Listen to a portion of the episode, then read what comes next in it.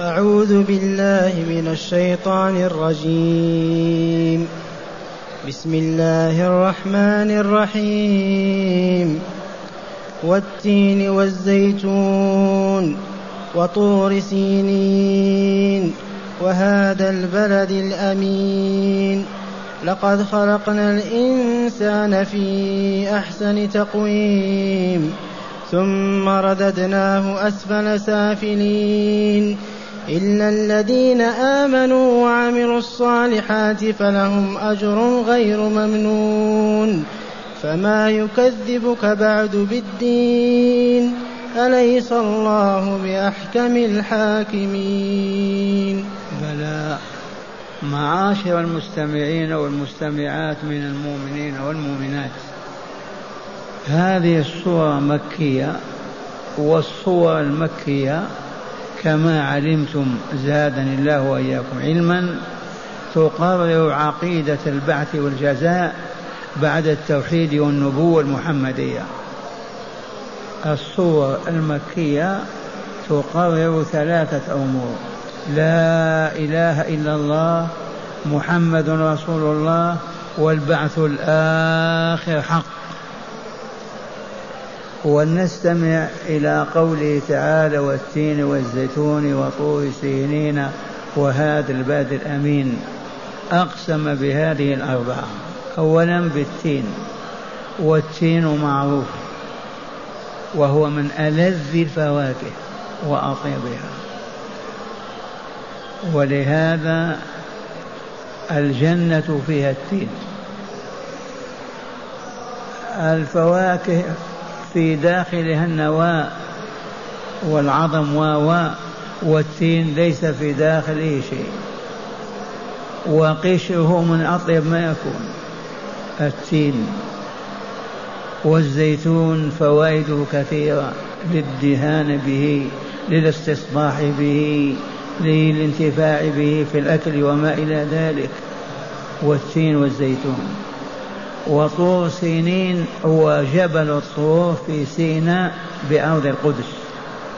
طور جبل اسمه طور سينا موصوف بهذا الوصف طور سينا. حلف الله تعالى به إذ كلم عليه موسى أكثر من مرة.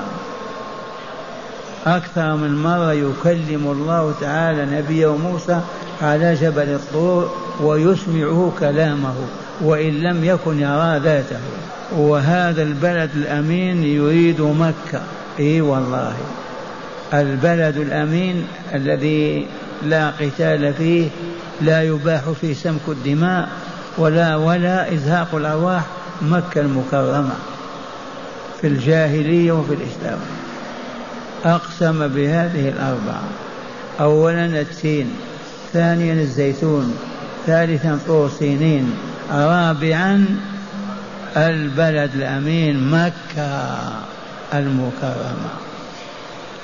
ومكة سبق أن علمنا لما بسط الله الأرض ودعاها مكة هي الأولى. منها انبسطت الأرض. منها انبسطت الأرض انفتحت. مكة المكرمة. ووصف تعالى بالأمين لما علمتم حتى في الجاهلية ما يسفك فيها الدماء ولا يقتل فيها أحد أبدا. يلتقي عدوان ما يسب أحدهما الآخر ولا يخوفه حتى يخرج من مكة. لماذا أقسم الله بهذه الأربعة؟ من أجل ماذا؟ من أجل قوله لقد خلقنا الإنسان في أحسن تقويم. من الخالق؟ الله جل جلاله وعظم سلطانه. من الإنسان آدم وذريته كلهم؟ يطلق عليه لفظ الإنسان. آدم وذريته. لقد خلقنا الإنسان في أحسن تقويم أحسن صورة وأحسن قيام. وطالع انظر إلى الإنسان كيف قيامه يديه رجليه رأسه كذا. من قوم هذا التقويم؟ ليس إلا الله. خلقنا الإنسان في أحسن تقويم. أليس كذلك؟ فهذا الذي خلق الإنسان والله لن يكون إلا موجودا ولن يكون إلا عالما ولن يكون إلا قادرا ولن يكون إلا حكيما. ومن ثم والله لا يعبد إلا هو ولا يستحق العبادة غيره. فقط انظر إلى هذا قف يا ولدي أمامنا. هذا من خلقه؟ أليس له خالق؟ الذي يقول لا مجنون أعمى لا قيمة له. هذا الخالق هذا لولا قدرته كيف يوجد هذا الإنسان؟ لولا علمه كيف ينظم حياته بهذه الطريقة؟ في سمعه وبصره ولسانه ويده. سبحان الله العظيم. كيف يكفر بالله؟ لقد خلقنا الإنسان في أحسن تقويم ثم رددناه أسفل سافلين. ثم رددناه رجعنا به لما تجاوز المئة والمئتين وتقدم سنه هبط حتى أصبح لا عقل له ولا فهم ولا ولا. رددناه أسفل سافلين. إذا ما مات في الستين والأربعين والخمسين إذا كبرت يضعف يضعف يضعف حتى يصبح أسوأ من الطفل. من فعل به هذا؟ لو تجتمع البشرية كلها على أن ترد إلى هذا الكبير شبابه وقوته يمكن مستحيل.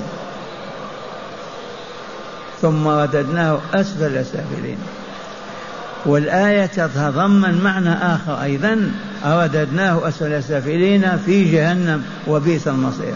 هذا للكافرين بدليل استثناء إلا الذين آمنوا وعملوا الصالحات. لكن الوجه الأول أسلم وأحق.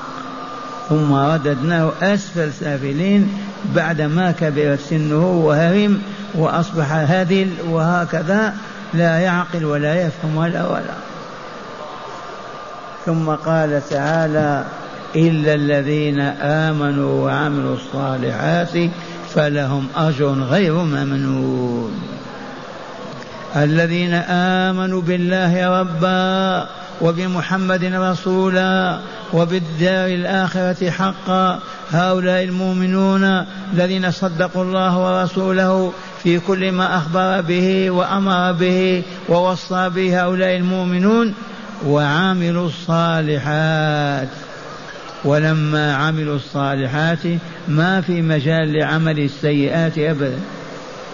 الذين يعملون الصالحات ما بقي مجال لعمل السيئات أبدا. وهي عبادة الله بما شرع من إقام الصلاة إلى إيتاء الزكاة إلى الصيام إلى الحج إلى الرباط إلى الأمر بالمعروف والنهي عن المنكر إلى ذكر الله إلى عبادة الله الليل والنهار. ومن ثم لا يعملون السيئات أبدا. أيامهم شغلوها بعبادة الله. ما بقي مكان لله ولا الباطل ولا اللعين. هؤلاء يقول تعالى لهم أجر غير ممنون غير مقطوع أبدا. هذه اللطيفة إذا كبر سن العبد وتجاوز المئة مثلا وهبط ما أصبح يقوى على الصيام ولا الصلاة ولا ولا أجره لا ينقطع أبدا كما كان شابا. الذي كبر سنه وعجز عما كان يعمله أيام الشباب والكهولة والرجولة والشيخوخة هذا أجره ما ينقطع أبدا غير مقطوع. لهم أجر غير مقطوع. وهذا عبد الله بن عمر يقول طوبى. وهي الجنة. طوبى لمن طال عمره وحسن عمله. طوبى لمن طال عمره وحسن عمله فإنه يكتب له حتى الموت كلما كان يعمل وهو شاب قادر لا يضيع منه عمل أبدا كله يحسب له ويجزى به. أجر غير ممنون. وهنا أيضا يبين لنا الرسول أن المسافر والمريض يكتب لهما كل ما كان يعملانه أيام الإقامة وأيام الصحة. المريض إذا مرض ما كان يفعله من صيام أو قيام أو عمل يكتب له ولا ينقص أبدا. المسافر كذلك النوافل والعبادات والأعمال التي كان يفعلها وهو مقيم تكتب له كاملة. وهذا الكبير الذي كبر وذهل وما أصبح يعرف ولا كذا كل الأعمال الصالحة التي كان يفعلها تكتب له ولا ينقص منها شيء. وهذا معنى قوله تعالى لهم أجر غير ممنون أي غير مقطوع أبدا.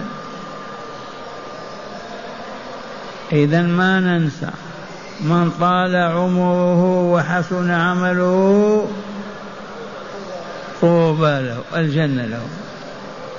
مع أن الكافر والمشرك والفاسق والفاجر إذا مات وانقطع عمله ما عمله سيئات وورثها في الناس تحسب له أيضا تحسب عليه. إذا سن سنة سيئة وترك الناس يعملون بها ثواب جزاؤها يمضي معه أيضا إلى نهاية له. كافر ابتدع بدعة في البلاد وسنها فعمل الناس بها. إذا وهم كفار. يعطى ثواب جزاءها حتى نهايتها. أجر غير ممنوع. وهكذا يقول تعالى والتين والزيتون وطور سينين وهذا البلد الأمين يحلف بأربعة أشياء. فيقول في المحلوف عليه لقد خلقنا الإنسان في أحسن تقويم. ثم أرددناه بعد ذلك لما كبر سنه وعجز أصبح ما يقع على الكلام لا على المشي لا على كذا. رددناه أسفل سافلين اللهم إلا الذين آمنوا وعملوا الصالحات فأجرهم مستمر ما ينقطع ولو أصبح لا يقع على أن يتكلم. فضلا على أن يصوم ويصلي. يكتب له كما كان. أجر غير ممنوع غير مقطوع أبدا. وأضفنا إلى ذلك ما أضافه وسلم أن المؤمن إذا ساف أو مرض يكتب له ما كان يعمله من الصالحات وهو لا يفعلها لعجزه ومرضه أو سفره. وبينت لكم أن الكافر ينقطع عمله لكن إذا سن سنة مبطلة يأخذ جزاها إلى ما لا نهاية له. لأنه سنة سنة سيئة بين الناس. ثم قال تعالى فما يكذبك بعد بالدين يا رسولنا؟ من يكذبك؟ بعد هذه الحجج والبراهين القاطعة. من خلق الإنسان؟ من خلق التين؟ من خلق الزيتون؟ من خلق سنين من من من من بعد هذا؟ من يكذبك من أهل مكة أبدا في توحيد الله؟ فمن يكذبك بيوم الدين؟ فما يكذبك بعد هذا البيان بعد هذه الحجج بعد هذه البراهين القاطعة؟ من يكذبك بتوحيد الله عز وجل ولقاء يوم القيامة؟ ما في أحد ولكن مصرون على التكذيب وعلى الكفر والشرك والعياذ بالله أمام رسولنا في مكة والآيات مكية نزلت بمكة. فما يكذبك بعد فمن يكذب دين والآية تتحمل وجها أشرق هكذا. فما يكذبك بعد الدين أيها الإنسان الكافر؟ بعد هذه الحجج القاطعة والبراهين الساطعة والآيات الدالة على وجود الله وعلمه وقدرته كيف تكذب بالدين أنت؟ فما الذي يحملك على أن تكذب بالدين؟ ثم قال تعالى أليس الله بأحكم الحاكمين؟ قولوا بلى ونحن على ذلك من الشاهدين. كان النبي صلى الله عليه وسلم إذا قرأها يقول بلى وأنا على ذلك من الشاهدين. وروى هذا ابن عمر وابن عباس وغيرهما. إذا قرأتها أو سمعتها قل بلى وأنا على ذلك من الشاهدين. أليس الله بأحكم الحاكمين؟ بلى. إذا ما دام أعدل العادلين وحكم الحاكمين إذا لن يخرج أهل الإيمان وصل الأعمال من الجنة ويدخلهم النار أبدا ولن يدخل الفجار أو الكفار والفساق الجنة ويخرجهم من النار وهو أعدل العادلين وحكم الحاكمين. أليس الله بحكم الحاكمين؟ فحكمه هو ماذا؟ أن الذين آمنوا وعملوا الصالحات لهم أجر غير ممنون. إذا فالذين كفروا وعملوا الصالحات لهم ثواب جزاء جهنم لا ينقطع أبدا إلا أن يشاء الله. أليس الله بأحكم الحاكمين؟ بلى ونحن على ذلك من الشاهدين. ومع هداية الآيات. بسم الله والحمد لله والصلاة والسلام على رسول الله. قال من هداية هذه الآيات أولا بيان بيان منافع التين والزيتون واستحباب غرس هاتين الشجرتين والعناية بهما. من هداية الآيات بيان فوائد التين والزيتون ومنافعهما. نعم نعم التين ونعم الزيتون. وكل البشرية تعرف هذا وتعترف به. وعلى الذين يستطيعون أن يغرسوا هذا ويسقوه فلهم أجر بهذه النية. نعم. ثانيا بيان شرف مكة وحرمها. من هداية الآيات بيان شرف مكة وقدرها وعلو مكانها. إي نعم وقد أقسم الله بها. البلد الأمين. نعم. ثالثا بيان فضل الله على الإنسان في خلقه في أحسن صورة وأقوم تعديل. من هداية الآيات بيان فضل الله تعالى على الإنسان. انظر إلى خلقه كيف خلقه كيف صوره كيف وهبه عقله قلبه جسمه كامل بهذا النظام. من فعل بك أيها الإنسان غير هذا؟ هذا غير الله. فضل الله على الإنسان في خلقه. لو شاء لجعل عيوننا على رؤوسنا. لو شاء لجعلنا كالبهائم كالحيات. أو الحل أليس كذلك؟ لكن وهبنا هذا الخلق العظيم. أسماعنا أبصارنا أيدينا أرجلنا قلوبنا عقولنا. هذه عطية الله عز وجل. من أجلها يجب أن نعبده وأن نحبه وأن نحب ما يحب وأن نكره ما يكره وأن نعبده حتى الموت. رابعا تقرير فضل الله تعالى على الإنسان المسلم. وهو أنه يطيل عمره فإذا هرم وخرف كتب له ما من كان هداية يعمله الآيات بيان فضل الله تعالى على المسلم المؤمن الصادق. وأنه إذا كبر سنه وأصبح لا يستطيع العبادة والتعبد كما كان يكتب له ذلك الأجر كما كان. ولا ينقص شيء. لا صيام ولا قيام ولا ولا أبدا. يكتب له كما كان. هذا من فضل الله على الإنسان المؤمن. وإلا لا إلا الذين آمنوا وعملوا الصالحات فلهم أجر غير ممنون. ما ينقطع أبدا. نعم. خامسا وأخيرا مشروعية قول بلى وأنا على ذلك من الشاهدين بعد قراءة والتين. من هداية الآيات بيان مشروعية كلمة بلاء. وتزيد بعدها وأنا على ذلك من الشاهدين. أليس الله بأحكم الحاكمين؟ بلى وأنا على ذلك من الشاهدين. أليس ذلك بقادر على أن يحيي الموتى؟ بلى. والله تعالى نسأل أن ينفعنا بكتابه وأن يجعلنا من أهله. اللهم آمين آمين. والآن مع بعض الأسئلة نستمع الآيات مجودة أيضا. أعوذ بالله من الشيطان الرجيم. بسم الله الرحمن الرحيم. والتين والزيتون وطور سينين وهذا البلد الأمين. لقد خلقنا الإنسان في أحسن تقويم. ثم رددناه أسفل سافلين. إلا الذين آمنوا وعملوا الصالحات فلهم أجر غير ممنون فما يكذبك بعد بالدين أليس الله بأحكم الحاكمين بلى ونحن على ذلك من